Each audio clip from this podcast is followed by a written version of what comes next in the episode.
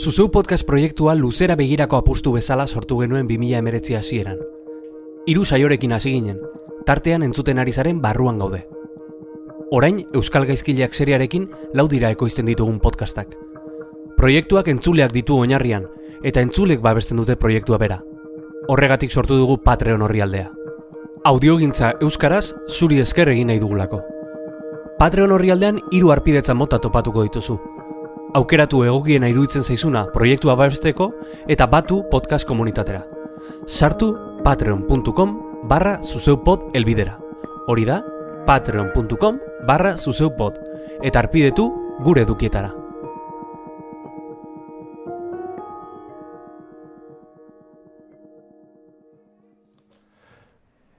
Arkaitzean oren belauntzitik oso gertu dago gaurko anfitroiaren untzia. Bera ere idazlea da, eta literatura pasioz bizi du.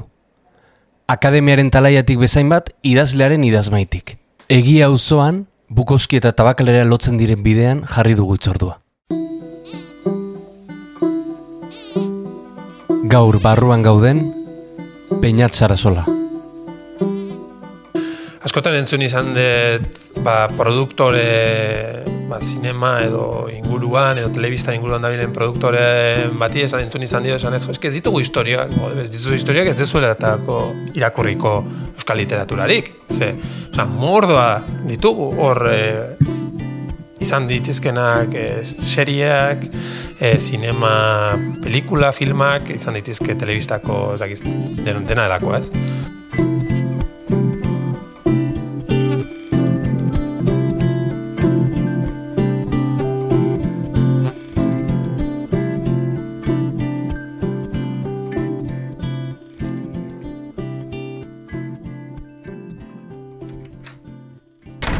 Pasilloa igaro eta sukaldea egon gela zein bulegoak leku bera partekatzen dute. Maxar bat, ja neko zarra dana, motela, baina taliburuak inguruan. Ba, iazteko, erabili behar dituena batzuta, ma artikuluak iazteko, la, bai. universidadeakoak eta horrela. Teknofiloak konsideratzea? Ez. Ez, ez da. Ez, ez. Gero ez da gutxi baina. Bai, bai. Eta, bai, hau da lantokia. Taliburu zarrak. Hemen, ah, bueno, hemen goian ditudanak dira ba, iztegiak, Ola, referentzia asko liburuak, e, filosofiako iztegia, hmm. euskerari buruzko iztegia, gramatikak, akademikoen. Olakoak, bai, pizka konsultarako. Bai. Eta gero ditut euskal literaturari buruzko euskerazko gehienak e, liburuak ere bai, hor eskura. Eta biblia ere bai euskeraz. Eta oiek errezatzeko goizetan. Hori da, bai. Eta, ba, zoragarria da, eh, euskarazko biblia. Bai. Elize, bai, elizen arteko biblia, jo, zoragarria da, ba, euskara aldetik, hizkuntza aldetik, eta, bueno. Irakurria da, kasu. Ba, bueno, dena osorik ola asita buka biblia ez dut irakurri, baina, bueno, testamentu zarra, bai. Pasarteren bat, bai? Testamentu zarra osorik, bai. Eta goratzen zu pasarteren bat. Asita buka. Reberra jarriko jot. Eh, Ze, bueno, goratzen dudana da, hasiera, ez, da igual errexena. Eh, bueno, nola, e, sortu zuen mundua e, jainkoak eta bai, zati hori da Hola, orentxe buruan daukan daukadana. Txikitan elegioko klasetan? Zero, ez, ez. Hori gero, e, literatura ikasi nuenean bai. behartu gintuzten testamentu zarra irakurtzera, eta, bon, ez amutzen, egia esan, oso irakurketa derra izan zen. Uste, tunai elorreak esaten duela, berak egunero irakurtzen duela bibliako zati bat, edo. Mm. Eta, eta, bueno, euskera kasuan, edizen arteko biblia zoragarria da izkuntzaldetik ere, bai. Eta horregatik besterik ez bada ere interesantea. Bulego alde batera utzi eta mikrofonoen aurrean eseri gara. Zukaldeko barran. Bat bi, hiru bosei. Gerturatu pinturera, bai. Hemen gaude. Eta postutzen naiz. Oierren... Eta ziur zure aita ere, bai. Hori da. Oierrekin. Oierren amaikagaren proiektua bizitzen. Amabi. Amabi, amabi, ja, ja, ez? Kauen, soz. Proiektu askoituk. Olakoa behar ditugu, oier, bestela... Bai, bai. Bestela, ostia, jai, jai daukagu. Jai. Lanare, bai. Bai, bai. Lanare, bai. Baina, bai. e, zure hori bideaz galetuko banizu, ze, ze erantzungo zeniak? Irakasle eta ikerlaria, zen marko dut, universidadean.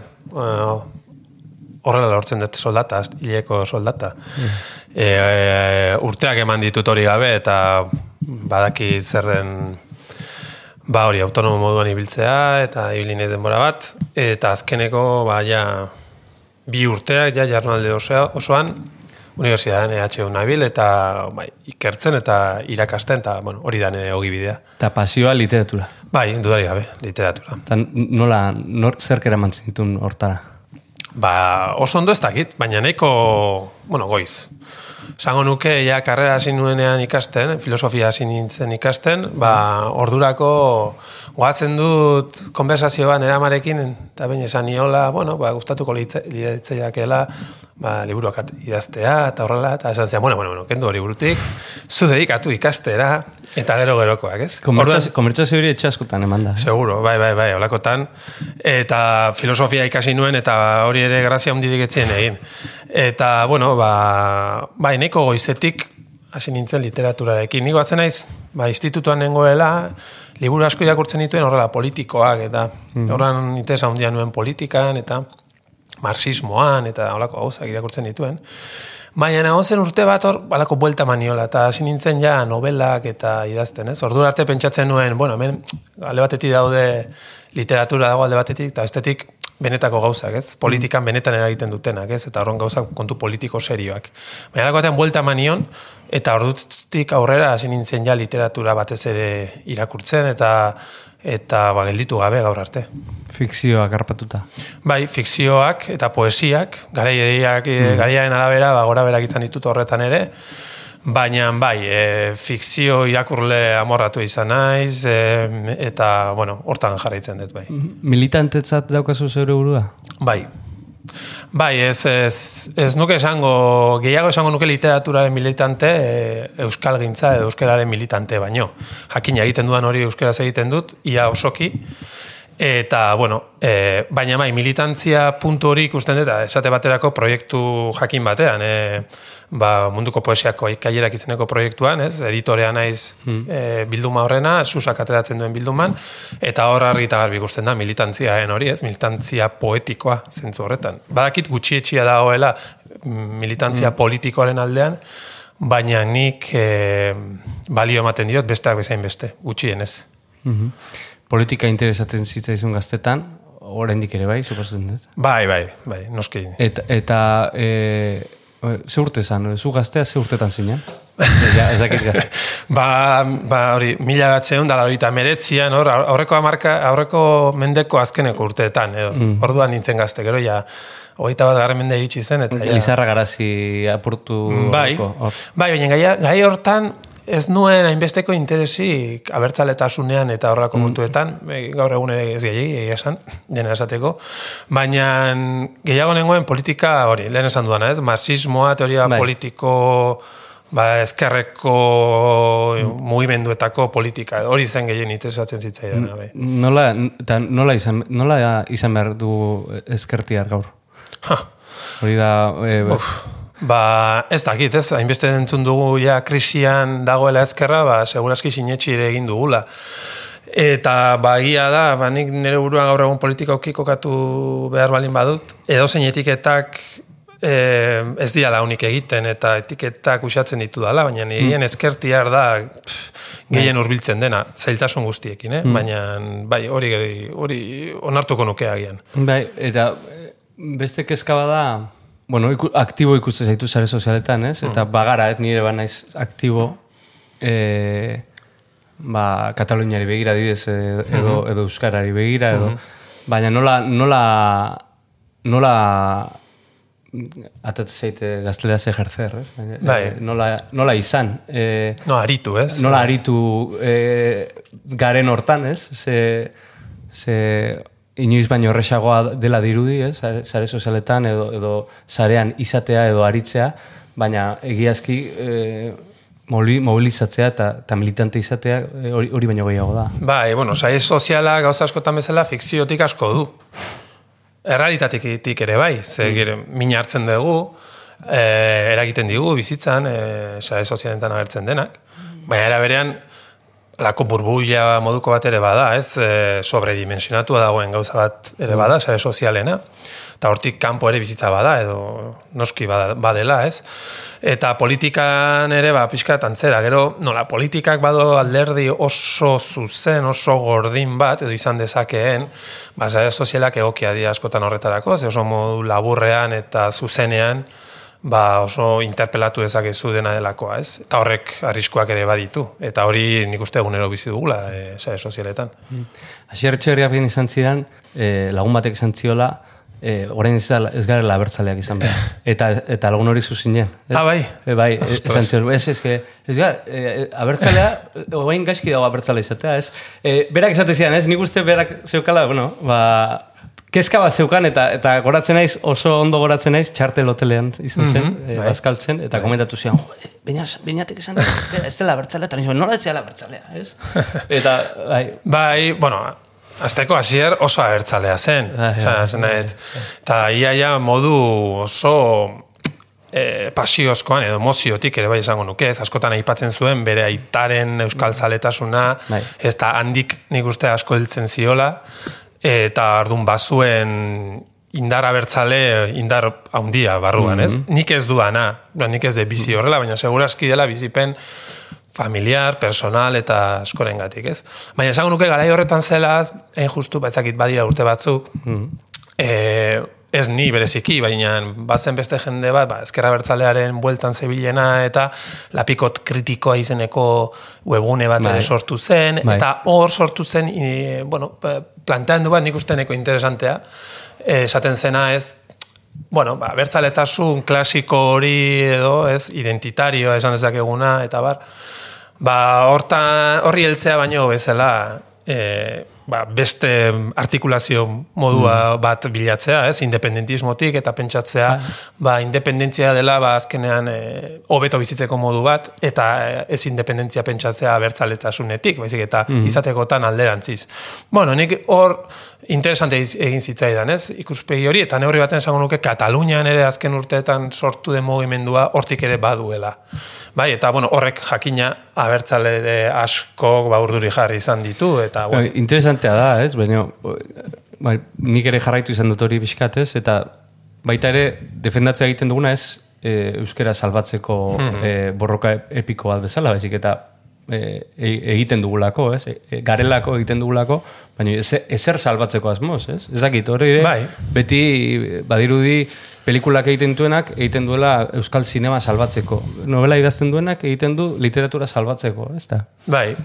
Kontua da hor zaila dela, ze nabardurak egitea beti importantea da. Zer hor gaude askotan, ba, askotan erdibidean, ez? Mm. Alde batetik hori dago, eta dudari gabe, nik ere nahiko nuke e, horrela izatea, hau da, nik euskaraz idazten duenean, idazten dudala besterik gabe, eta nik uste hola dala. Baina, era berean, ezin dugu eskutatu ere gure egoera ez dela ingelesaena, edo espainolaena, edo mm. frantsesaena, ondoan ditugun hizkuntzena eta horrek eragiten gaituela. Ez? Orduan, adibidez, duela gutxi arte, Seizar Vitoria, Gramo Seizar Vitoria, ere pixka diskurso hori izan du, ez?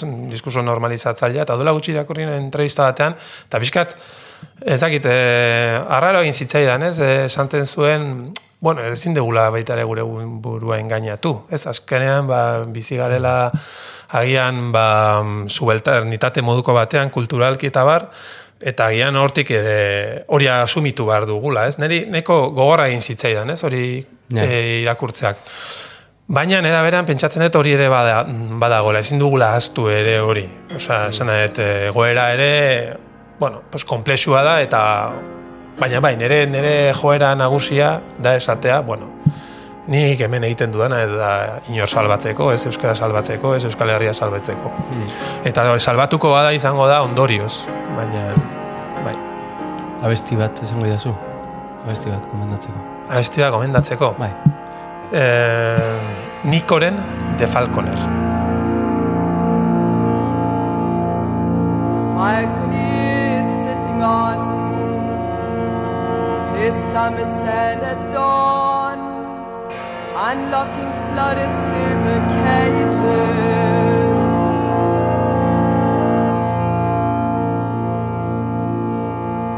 And with a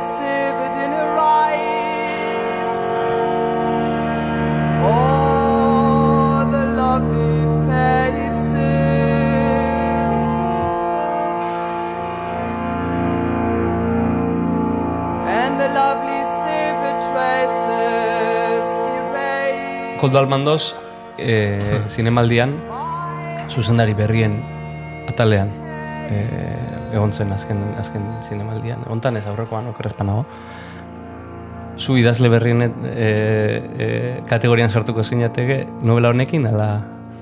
Bueno, sartu naute, irakurri dut, ira- irakurri dut izuzkinen batean, jartzen zuela e, idazle gazteen artean sartzen ninduen. Eta bueno, a ber, ez naiz, ez naiz agure bat ere, baina hogeita ama urte ditut, eta ja amar urte baino gehiago, ama piko urte daramat literaturan gauzak egiten, ez, publikatzen eta, baina ematen du gaur egun ezinezkoa dela nagusi izatea, eta beti bizitza barkatzen dizutela gaztea zarelako, ez? Eta e, hor badago parekotasuma generoetan, ez? Be, laur metraia ez dira sinema badirudi, ez? Eta, eta poesia ere ez da idazle izatea, poeta ez da idazle, ez? Ez dakit. Bai, hori nabarmena da, baita ere. E, literaturan poesia idaz dezakezu, baina edo inkluso ipuina, naiz eta Euskal Herrian ipuinak oraindik badauka estigma bat zorionez, edo aintzako aintzako hartzen dela. Esan et, e, ipuingintza, e, beste leku batzuetan baino gehiago, baina egia da novela bat idazten duzunean, ja beste ematen du beste fase batean sartzen zarela, eta ja benetan gauza serioak edo idazten hasten zarela, ez? E, hori badago, eta orduan, ba, nik ere sumatu du liburu honekin, ez? Ba, e, ba, medioek eta ba, pues, kasu gehiago egiten dizutela, noski.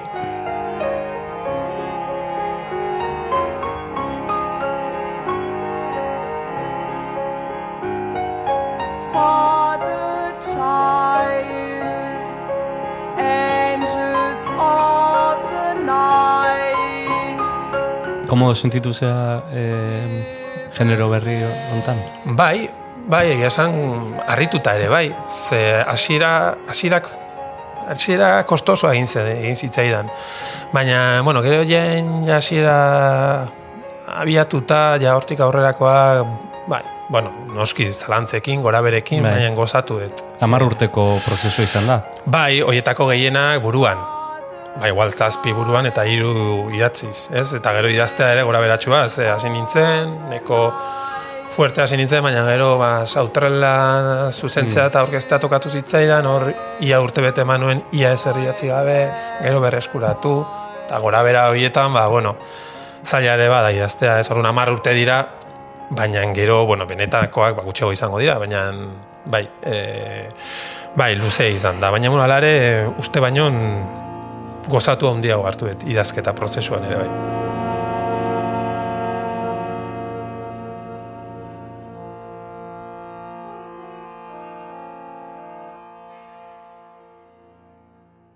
Suposatzen dut, amar urte izan, da e, eukiko zentuela gora, gora berak, ez? Esan nahi dut, e, zure buruak, konfia, zure buruak konfiantza indartxu euki dezu, ala, ala, ala egon dira, esan nahi dut, horrelako lan bat egiteko, Bai. eta nik esate dizut, e, bueno, ni, niri dagokidanean pelikularekin gertatu zaidalako, ez? Ba, prozesu luzetan, batzutan esate zut, ez dakit ni, ez?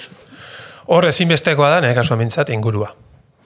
Esan et, e, liburaren portadan binasa sola jartzen da, eskertzarik ere ez dago, Bai. Ze ni gauza horietan oso klasikoa naiz, eta ez naiz liburuetan eskertza jartzearen aldekoa, eta dedikatoriak ere alik eta gutxien, baina, bueno, e, mm, aurkezpenean eta aipatu nituen inguruan izan nituen personak. Ze, oie gabe, ez nuen izango izan nuen konfiantza aurrera egiteko. Hoien artean funtsezkoena, e, liburu honen lehengo editorea, Gorka Arrese, Bai.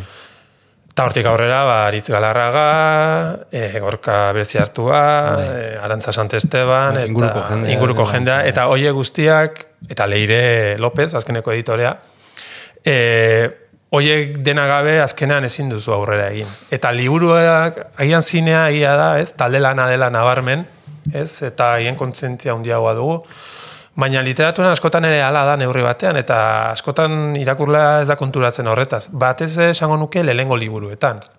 Jakina, pentsatzen dut, manizarakit, koldo izagirre batek, edo Bernardatxa batek, ba, nahiko eskarmentu baduela orain, ba, inguruaren gana inbeste babesteko, ez babestu behar izateko, baina nire kasuan adibidez inguru hori oso importante izan zen. Orduan, prozesuan, ba, ira- idatzitakoa erakutsi, esan, bueno, ondik ondo doa, e, hau aldatu behar da, eta horrek asko laguntzen du. Personaren nagusia protagonistak inkomodo sentiara zinauni, adidez, askotan, ez? Ze norbere kontraesanak parez pare izpiluan jartzen dizkigu, edo, edo, edo agian esan ezin ditugun diskurso horietako asko daudelako jasota, e, eta zuk aldarrekatu ezu fikzioa, e, diskurso hori eratzeko, ez? Bai, ez, iruditzen zai literaturak egin dezaken gozetako bat hori dela, ez? E, alegia, ba, mm, gordeta izaten duguna edo izan dezakeguna azaleaztea eta muturren aurrean jartzea. Nikola ulertzen dut, literatura eta esango nuke aratago ere, baita artea ere. Orduan batzutan deseosoa da hori, baina nik pentsatzen dudan ba, idazle haundi batzuengan eta uste hori egiten dutela neurri batean, ez? Ikusi nahi ez duguna mai gainean jarri. Eta irakurleari horrik, horrek eskatzen dio ba, jarrera bat, deserosoa dena batzuetan, Eta nik kostiente naiz, oso kostiente naiz, irakurle guztiak ez daudela hori egiteko prest, ez dutela nahi, eta ez daitela interesatzen, ez? Baina nik horretan sinisten dut, eta horrean, bueno, ba, hori da nire Mm. saiakera honetan edo egin dudana hori izan da, ez? Piskat gauza batzuk, ba, esate baterako, ba, gure historia politikoarekin zer ikusia dutenak, mai gainean jarri, segurazki ezingo nituzkena jarri saiakera batean, ezingo nituzkena jarri zutabe batean, ez? Eta fikzioak ematen du aukera handiagoa nolabait hori modu komplexuagoan eta aberatsagoan edo emateko.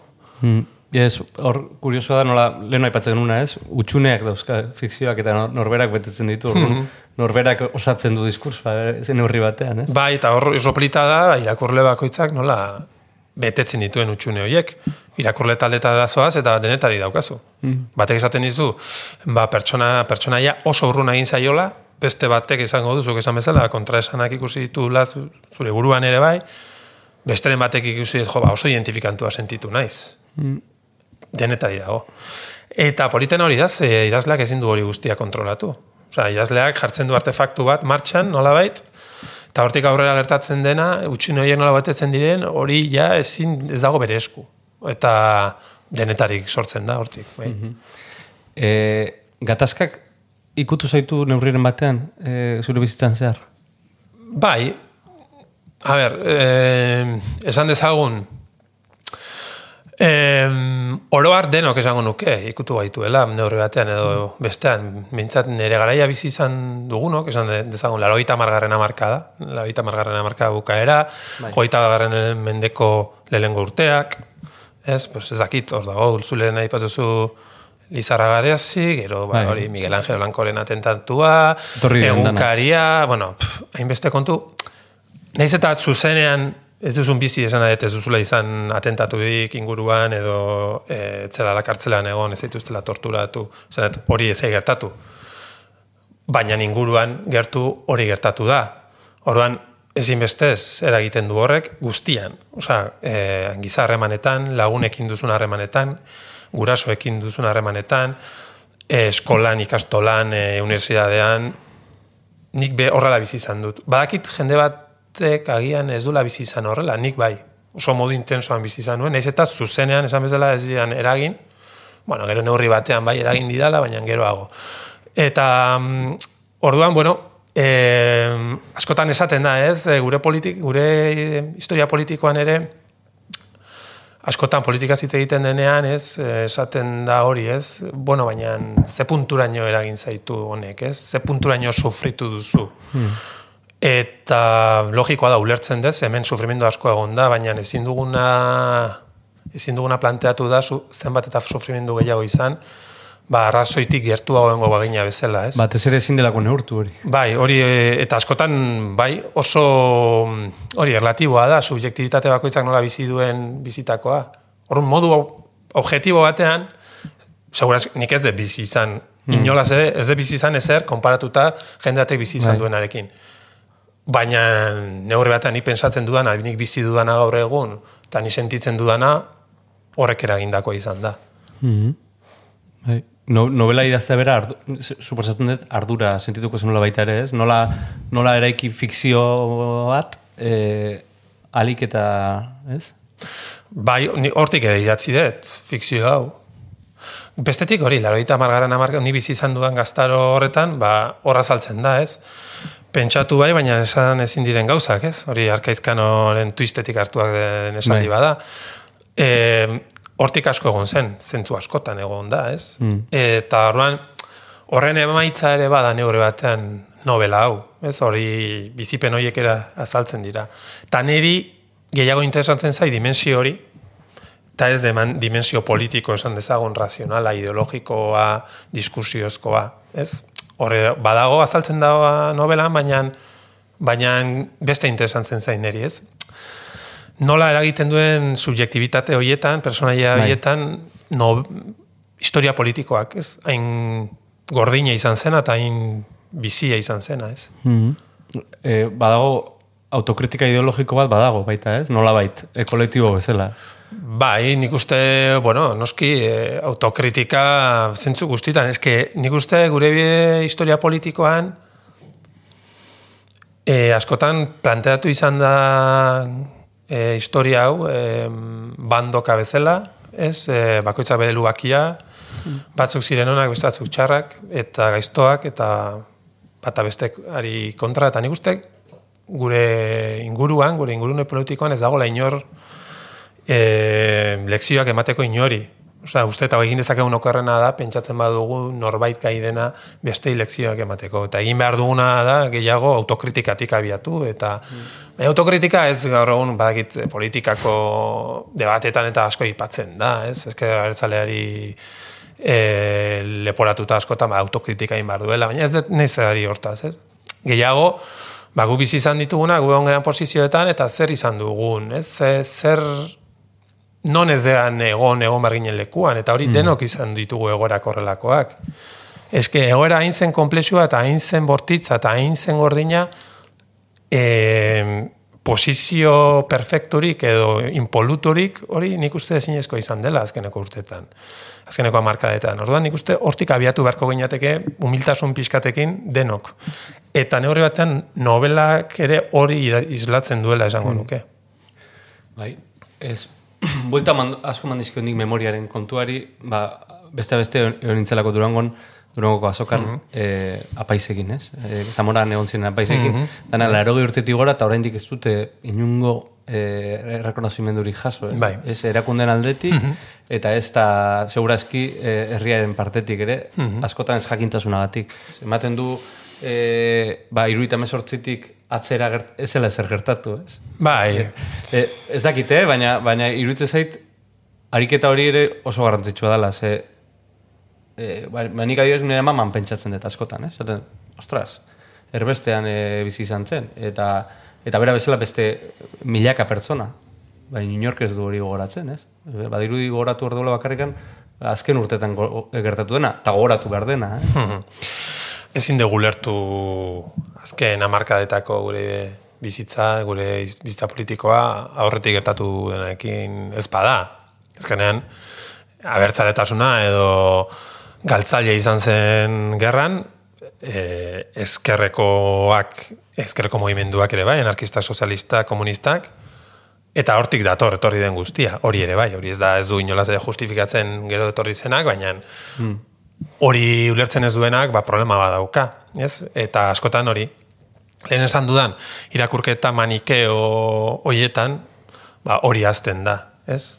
Eta orrun, bueno, hori problema handi bada, ze, bueno, zuk esan duzun bezala, e, jende asko dago, biktima izan dena, eta ez da ez duela itortzarik izan. Baina duela gutxiagokoak ere bai, ez? Ba, Mikel Zabalza, eta beste, Bai. beste kasu asko daude oso mingarria direnak, ez? E, Josu Muguruza, Bai. Oso mingarria direnak, e, duela oso gutxikoak, eta, bueno, orduan, ezin esan daiteke ere hau guztia bukatu denik inolaz ere. Beste besti bat? Beste besti bat. A ber. Ba, bai, venga, Javier Muguruzaren eh, Benino edo Benito. Neretzako esan zuen Luizilon boso Napoleko auzo pobre Bateko umeak. Pertsona historiko guztien artian Zorion txuena Benino edo benito da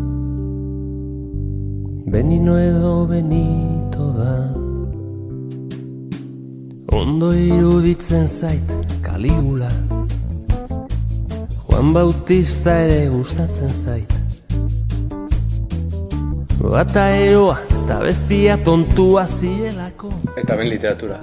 Bai, a ber, hemen egon gelan daukadana da Euskal literatura narratiba, bai, guztia narratiba da, Bai.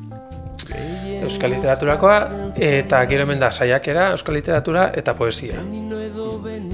Liburutegia tentuz sailkatuta dauka Sarasolak. Liburu bakoitzak dauka bere lekua. Gai bakoitzak bere apala. Eta ja, ba, bira, tarte gutxi gelitzen zait, baina zer egingo zaio. Hor badago estrategia bat, bati baino gehiago entzun didana, ez dut inoiz praktikatu, baina ja ez dakoazunan lekurik, ba, liburu bat erosten duzunean, eta liburutegira sartu behar duzunean, behartuta zaude bat ateratzera. Eta beti liburu kopuru bera izateko. Baina, claro, hori tragedia bada, ez? E, liburuak botatzea ba, ez da bate erresa. Eta momentuz behintzat eutxiko diot. Oain, ez dakidana da, ba, nondik ateko dudan lekua. edo benito ura Luigi Lombosok erantzun zuen Bada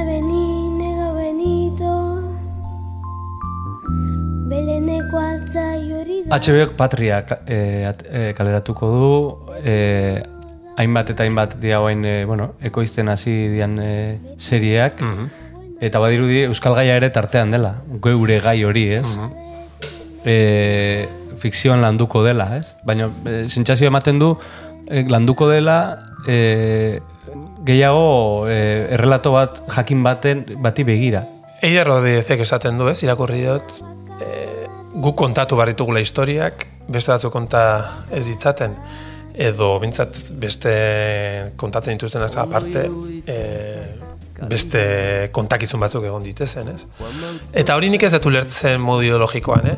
Osa, segurazki baita esparru ideologiko berberan dauden dagoen jendeak, ez HBO-rako egiten duena eta ba igual literaturan eh, hemen Euskal Herritik euskeraz idazten duenak gauza ezberdinak egingo ditu. Osea, ez naiz ari esparru ideologikoaz bakarrik. Edo ez batez ere horretaz, ez? Eta bai, uste dut, eh, eta hori nabarmena da, gaur egun e, hori ez aipatzen da askotan, ez? Bueno, behingoz, fikziora, euskal gatazkaz ari dira, eta bar, jo, euskal literatura irakurtzen dugunak, aspaldiko kontua da hori, hori aspalditi da, Bai. dakigun gauza bada. Kontakizun mordoa egon dira oso konplexua denetarikoak, eta are gehiago, ni liburu hau idatzi nuenean, eta hamar urte ba, berandutu nintzenean edo komunia artean, nik eh, pentsatu nuen izan zen, jo, irakurle asko esan gute, beste liburu bat gatazka madarikatu honi buruzkoa. Ja, jendea, goaikututa egongo da. Baina liburua ez da gatazkari buruzko. Ez, baina, ba, ekizu titularretan Kontestua, eta kontestua. kontestuak hain pixu, hain pixutxua den, ba, hori pentsatzen nuen, ez? Esan zezakela irakurle batek. Neri hori guztu zegeena. Hmm. Eh, hori izan da niri, eh, ez dakit, eh, irakurtzen, bueno, aziratik bukarara di- disfrutatu dut, ez? Baina, baina ez dala gaia gatazka. Gatazka da kontestua eta hor gertatzen Bai. dira beste amaika gauza, ez? Harreman personalak, harreman eh, lagun arteko harremanak, dana... Bai. Eh, Bai, posten nahi, zala izan bada, ze hori zen nik buruan nuena, baina, bueno, azkenean gatazka gainbesteko indarra du, ez, ba, ematen du ia dena e, kontaminatzen duela, ez, komila artean, esan da. E, baina hori kezka hori ba nuen, ba, ordea ematen du, ba, es, esan dezagun Euskal Herritik kanpo, saltzen dutena da, behingoz, bai, ez, ni pentsatzen da zan hori, bengoz masiboa izango dala kontua. Ez? Ez, patria masiboa izango da segurazki. ez? izan da, ja, bai. Bai. Bueno, liburua Eh, izan, liburua da, izan da, eta orain HBO, Bai. Are Bai. masiboagoa. E, eta hor badago, ez? Bueno, e, Euskal e, e, sortzaile asko parte hartzen dute bertan ere, e, patrian. Eta, eta ez dakit, baina, karo, oain e, badirudi e, on demand e, fikzio gintzaren garaian, ba, badiez katalanak oso ondo lortu dute, hainbat eta hainbat serie kolokatzea, ez? E, Netflixen beste beste. Baina irikitzen da late bat, ba, ba munduari kontatzeko hemen hemen gertatutakoa, ez bakarrik gatazkari begira, beste hainbat e, beste hainbat konturi begira, ez? Eta baita ere zerratik ez horrelako zerbait egiteko. Esan nahi dute, gatazka kontatzeko, gatazka kontatu gabe. Bai, bai, bai, e, nik uste problema zein da, ba, askotan gu geuk ere ez dakigula zer egin dugun. Osa, zanet, e, askotan entzun izan dut, ba, produktore, ba, sinema edo inguruan, edo telebista inguruan dabilen produktore bati esan entzun izan dio, esan ez, eske ez ditugu historioak, bo, ez ditugu historioak ez dezueletako irakurriko euskal literaturarik. Ze, osa, mordoa ditugu hor e, izan ditizkenak e, serieak, e, sinema, pelikula, filmak, izan ditizke telebistako, ez dakiz, den, dena delako, ez? Hor badaude, gertatzen ez dituguna guk eukere askotan ezagutzen, ez? Eta, bueno, askotan, bai, irismen maila oso mugatua dugulako, patria baten ondoan, ez? Baina, bueno, gu gure txikian hori da esan behar duguna, eta, bueno, e, bari, autokritika, autokritika horretatik ere, eh? Zer da patriaren kontra e, jotzea, baina ze punturaino ezagutzen ditugu guk hemen idatzi diren gauzak, ez? E, ez dakit, orrun hori ere nik uste pentsatu barko genukela, eta guk esaten dudanean da hori, baina e, zine produkzioan dabilen jendea, eta bar, eta bar, ez? Zer erosi zu durango gazokan? Ba, egia esango izut. Kompromesua, ja, hortrak. Bai, egia esango izut. Ez dut ezer erosten durangon, nahiago et dendetan erosi. Eta baina erosia gauza bat, eta da, bueltako e, kotxean, bueltan ba, disko berri bat eukitzeko eta entzuteko. Eta hori izan da ertzainaken diskoa. E, bueno, mm, puntu nostalgiko, ez dakit nola esan, nostalgiko, nahiz eta nik ez nuen bizi izan, e, ertzainak Bai. e, ba, martxan zegoenean, zuzenean, baina, bueno, ba, Euskaldunako kontzertuan egon ginen, ondo pasa genuen, eta ba, hortik, ba, diskoa erosi nuen, eta hori da erosi duan gauza bakarra.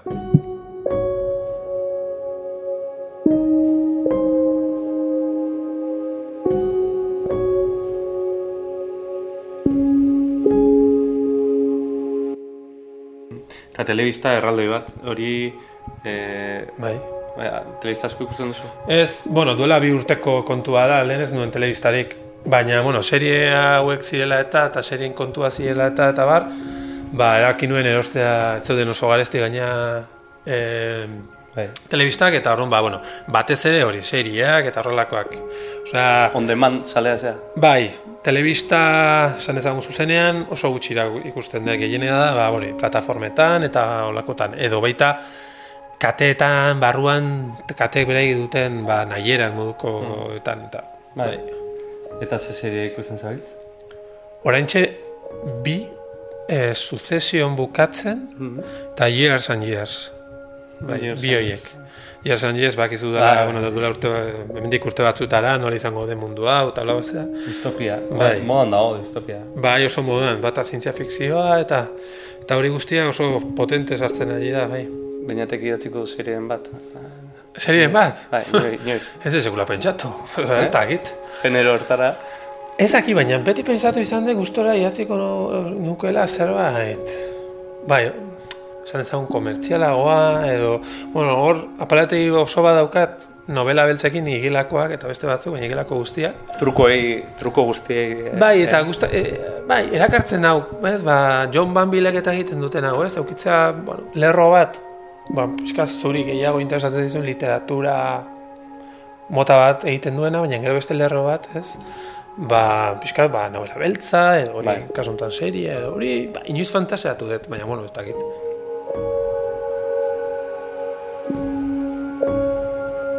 Zautrelako aurkezle izatzinen, denbora batez, e, asierrek utzitakoan, eta horren ostean artefaktu etorri da, baina e, EITBek badoka olako utxune nabarmen bat e, sor, sortzailei begirakoa, literaturari begirakoa, musikari begirakoa. Askori egin diet galdera da, nolako ETB e, behar du? Ba, zaila zait, ez naiz ikusentzunezkoetan ez aditua, ez bereziki pentsatzu duan, pentsatzen duan persona bat, horren inguruan. Hmm. Baina, bai, bai ikusten dudala hori. Esan duzu ez, em, programa falta diela sortzailei begira, baina esango nuke baita ikuslei begira ere, ez, ez ziur naiz. E, jende mordoa dagoela e, interesaturik, e, bazakit, zineari buruzko programa duin bat, on bat, e, egon dadila, ETV-en, edo musikari buruzkoa, edo, ez dakit, arte eszenikoi buruzkoa, edo arte visualei buruzkoa, eta bar, eta bar. Eta nik uste hori bintzat euki barko genukela. Best, nik ez dut ukatzen beste e, gauza asko, telebista, telebista dela, eta dena hori badaki guztiok, Bai.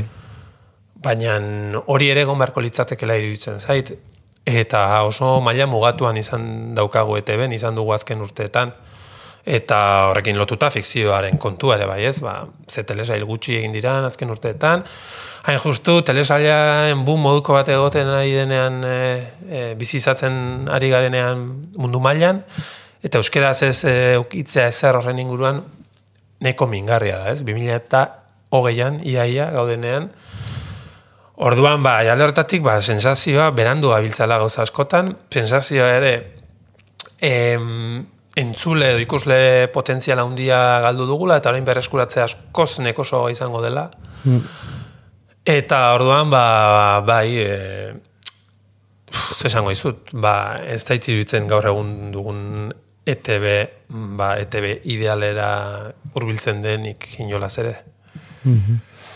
Denbora mugatua da, eta zu irakurle, e, a, suposatzen dut, asko irakurtzen duzula, nondik ateratzezu hortarako tartea? Jo, ba, azken bolan, nahi, baina, de, xente gutxiago, eh? Baina, bueno, eh, a ber, eh, normalen jendeak esaten du, gauen irakurtzen duela, nik gauen ez dut irakurtzen. Ze, horri bat edo bi irakurtzeko gai naiz bakarrik, gero ja bere lo hartzen dut.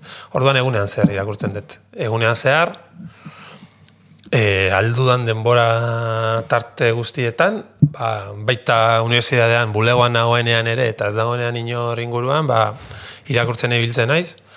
Naiz eta ez den igual zuzenean erikasgaiekin zerikusia duten gauzak, ez? Baina gauza bat ikasi nuen oso garrantzitsua, Bartzelonan ikasi nuenean literatura, eta izan zen, edo zein literatura ikerle edo literatur zalek lehenengo gauza egin behar duena da, eta bere oinarri izan beharko litzatekena da, irakurtzea fikzioa, irakurtzea poesia, eta ez irakurtzea horren inguruko teoria. Eta batzutan, ba, ikerlariok, eta e, ba, literaturan interesa dugunok, batzutan obsesionatzen gera beste mota batetako irakurketekin, baina nik argi daukat, eta gaina hor gozatzen da gehiena, ba, sormenezko lanak direla interesatzen zaizkianak. Eta oinarri hori duen persona batek aukeratu behar du zer irakurreta zer ez? Bai. Eta hor zaila da, ze azken urteetan, no, bueno, ba, sautralan eta artefaktuan eta ibili izan, bueno, artefaktuan ez, sautralan ibili izan nahi zenez, hor, ba, ba, astero irakurri behar izaten un liburu bat, gutxienez, edo liburu terdi. Eta hor markatzen zuen egunerokoak. Gaur egun auk, askatasuna handiagoa daukat. Hor, nahi dut nazioarteko lit- literatura gehiago irakurtzen lehen baino, baina euskal literaturako gauzak ere jarraitu nahi ditut. Baina denerako denbora ere nekez. Eta gainera esango nuke azken urteetan euskal literaturan ba oso liburu interesgarriak argitaratu diela eta hor daukat pila bat e, azkeneko, azken hilabetetako liburuekin eta eta ez da murrizten. E, munduko poesia kaierak proiektuak ere aukera eman dizu segurazki e, bueno, gustoko lanetan aritzeko, eh? Bai. Bai, bai, proiektu zoragarri izan zen, izan eta da, oraindik noski. Baina, bueno, martxan jarri genuenean, ez? Oso modu ambizio, ambiziosoan gainera, ez? Urtean sei kaiera atzen genituen, orain ja lau urtean. Eta, bueno, lan handia, ez genekien ere, jo, itzultzaileak lortuko genituen, hainbeste itzultzeko, baina, jo, alde horretatik zoragarri izan da. Eta hor ikusten da, orain militantziaren kontu hau. Hain zuzen, zenba jende dagoen prest, itzultzaile, poeta, e, denarakoa, e, xosi gabe edo ia xosi gabe itzultzeko, ba, gustoz, uste dutelako poet, dena delako poeta euskeraz egotea interesgarria dela, eta horren alde horretatik proiektu hori zoragarria da, eta alde horretatik bai lenguak egin lotuz, uste ez gara zertan lotxatu behar olako proiektu bat izateatik, arpiduna, arpidunak izateagatik, ze bestela litzateke bidegarria izango, eta ba, bere proiektu txiki xume bat izateatik eta militantzian oinarritua. Ze horren alternatiba da ez ez eukitzea ezer. Horren horren konsiente ere izan bar gera, ze hori gertatu izan zait oso kasu bakaneta, baina itzultzaileren batekin, ba, kanpoan bizi dena eta kanpoan egin duena bere ibilbide guztia, ez duena ulertzen. Ez duena ulertzen, nola den posible bilduma bat egitea, mm, ba, itzultzaileei beren, tarif, beren tarifa estandarren baino askoz berago pagatuta. Baina, karo, urak ulertzen ez duena zein den gure egoera, ez poesia euskeraz argitaratzearena.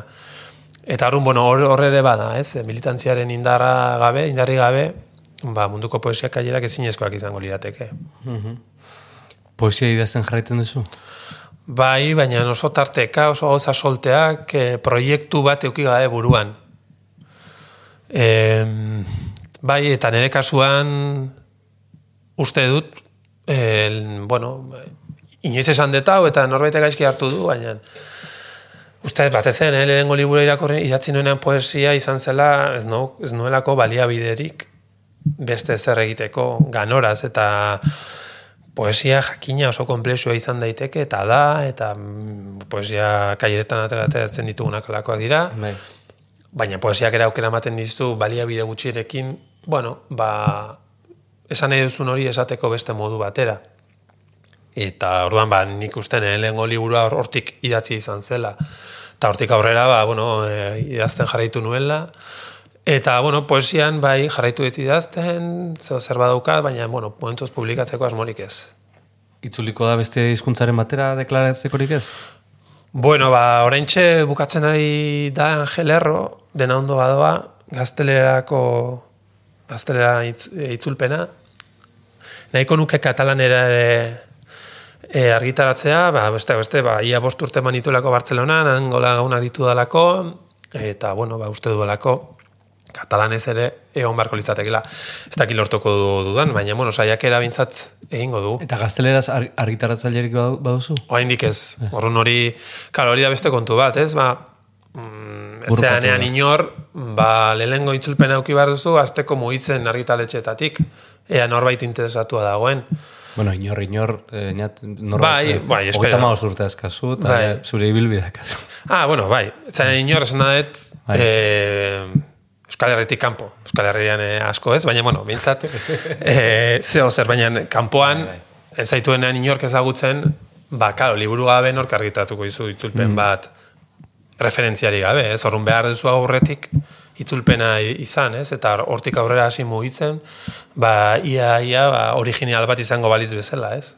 Orrun Hori, hori du.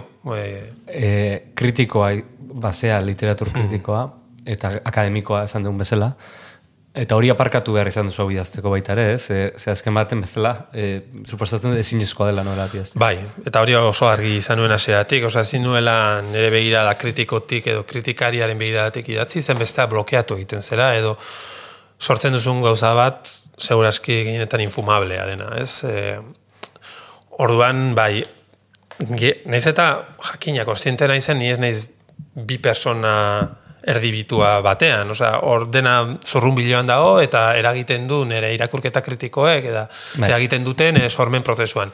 Baina sortzen duanean burua ez daukat horretan, burua daukat novelan. Eta mm, alde horretatik gehiago gidatu naiz, naiz eta egitura oso pentsatua izan eta gauza asko erabakiak izan, gero lerroz lerro idazten hasten zarenean, hor ja intuizioa intuizioagatik idatzi behar duzu eta ez teoria baten arabera. Ez dezu pentsatu behar. Ah, bueno, orain tokatzen da, jo, esaldi hau lutzatu egin barrez, e, kao, esaldi luzeak idaztea, ba, Zoratu, zoratu beharrean. bai, ez, ez zindezu horrela idatzi. Nun idazten duzu, normalean? Ba, gehiena etxean, bai, etxean, Ordenagailu. ordenagailuz, bai, bai, bai, nik eh, em, letra horrible daukat, ez, da, ez daukat ja zereginik, orduan aldudan guztia ordenagailuan idazten dut. Bueno, dena, sortzezko dena idazten dut ordenagailuz, eta ordenagailuz, eta, bueno, ba, novelaren azkeneko fasea idatzi nuen, masia batean. E, Manresan, Aritz Galarragaren familiak utzitako man, e, masia batean, han bakarrik, erabat bakartua, Oso oso idazlearen... E, bai, eh? bai, topiko, topiko horretan erabat murgilduta, eta egia esan, ba, bueno, gusto, gustora egon nintzenan. Bai. Pentsatzeko ematen du apartauta dauteak. bai, eta gero denbora, ez? Eskemen egunerokoa, egunerokoa egunerokan inbeste gauza egin behar dira alde guztitatik, han ere interneta ere justua nuen, ba, konsultatzeko bai, baina hortik kanpoa askoz gutx gehiago ezin zen egin. Orduan egoera perfektua zen idazteko, ezin nuen beste zer egin, eta eta ondo joan zen, bai. Lagun batek esan zian noen dela gutxi, 2008an eskatu idazut dirua nahi, nahi baina temporarik ez, mesedez. Bai, bai, nik ere sinatuko nuke hori. Bai, zer ikusia du guru sortu dugun gizarte honekin, ez? Mm, gero ez da egin behar gehiago dituz. Pentsatzen dugu, pentsatzen ari naiz ez, nire gurasoen, are gehiago, nire gura itona monen benen aldian, eta ba, segurazki askoz egiteko gutxiago zituzten, ez? Askoz ere egituratuagoa zuten, hemen denan hasten zaigu lana, zaletasuna, e, bueno, internetarekin ere eta emailarekin sartu zaigu lana barruraino hogeita lago orduz, e, bueno, hori guztia, ez? E, sare sozialak eta bar. Orduan horrek bihurtu du bizitza, geroz eta estresanteago, geroz eta denbora gutxiago zertarako, eta, bueno, ba, nik uste interesantea dela hortik aparte beste esperientzia batzuk e, izatea, ez dela gutxi lagun batek esaten dit, esan zidan, ba, konbentuetan eta lekuak eskintzen dituztela oso prezio merkean, ba, olako proiektuak eta garatzeko, eta itatzen zian leireko e, konbentua, eta eta nik uste inoiz probatu beharko dugula, eta paradoxikoki agian itzuli behar gerala bizitza ba hori e, frai, frai de ermitaño edo en bizitza hortara ez? Horre lagunduko digula. Ze goazen ibilbide honetan, ba... Baina, baina zure e, e, integratua, zera, esan nahi. Ah, no, bai, bai, era bat. Ez, esan nahi dute idazle gutxi dago sozialetan, ez? E, edo, bueno, ja. sentsazio hori dakat. E, bai, baliteke. Bai, eta Instagram erra gaina, eta gaina aktiboa. Bai. historia, bitu, historia publikatzen duten, egongo zate, iru idazle, edo. Ja. bai, igual ez da ondo. Gustora jarraitzen ditudanak, eh? Igual ez da... Bai, igual ez da idea oso ona, ez? Batek ez luke storirik egin beharko, oain pentsatzen dudala. bai, bai, bueno, bai, saiatzen naiz, orain saiatu gunez konpontzen asuntua, baina, bai, saiatzen naiz pixkat eduki literarioak sartzen. Bai, osa esan erabilera lit, alik eta orai bez zehazki Twitterren kasuan, garai batean egiten duen erabilera Twitterren eta gaurrengoak ez dakaz zer ikusirik seguraski askoz gehiago osatzen nuen duela urte batzuk, gaur egun baino, baina gaur egun ez nuke horrela erabiliko inolaz ere, ze Twitter berare aldatu da. Uste denoi gertatzen hori. Seguro, bai. bai. Eta orduan, ba, bueno, gaur egun bai saiatzen naizela, balik eta literatura eduki gehien sartzen e, Twitterren. Segurazki asko aspertuko dira, baina, bueno, ba, hori ere, komila artean, militantzia txo moduan ere hartzen dut. Mm Bai. Ba, eskerrik asko zure txokateak saltzati, baina. Ez, ez da zer, eskerrik asko zuri, oier.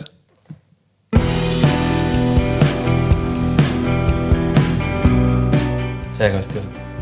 Beste bat? Bai. Beste beste bat? Bai, ez dira jarriko ah, hotza, eh? Zartuko vale. jata beste hori bukatzeko. A ver. Hola, goratuko jat. pentsatzen... Ba, bai, anariren epilogoa. Yes.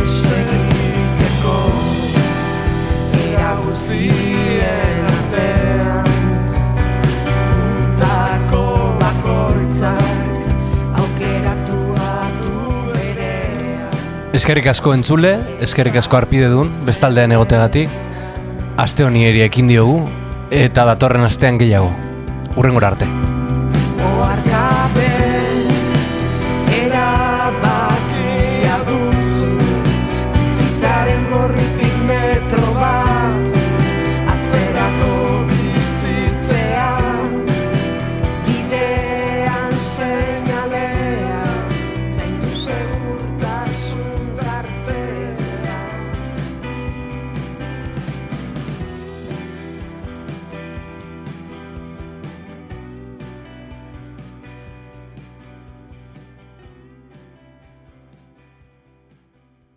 Edo zein audio plataformatan entzun dezakezu zuzeu podcast. Spotify, Apple Podcast, Stitcher, eta bestela sartu podcast.eus elbidera. Hori da, podcast.eus. Eta bertan topatuko dituzu ekoizten ditugun saio guztiak.